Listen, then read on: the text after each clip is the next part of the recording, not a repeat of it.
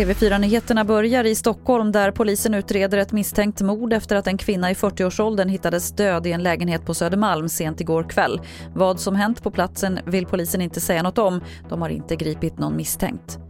Den 1 juli tar ju kommunerna över ansvaret att hålla koll på att barer och restauranger följer de regler som finns för att minska spridningen av coronaviruset.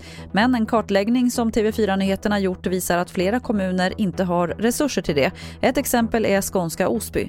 Problemet vi har just nu är att vi är en väldigt liten organisation och vi har bara fyra inspektörer och just nu är vi då en inspektör kort, det vill säga att vi har i princip 25 procent mindre resurser än vad vi brukar ha.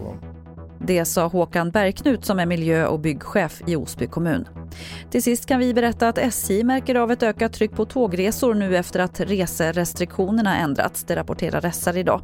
Och det gäller framförallt resor till fjällen. Förra veckan ökade bokningarna på nattågen mellan Stockholm och Östersund med 25 procent jämfört med samma tid förra året. Det var det senaste från TV4 Nyheterna. Jag heter Lotta Wall.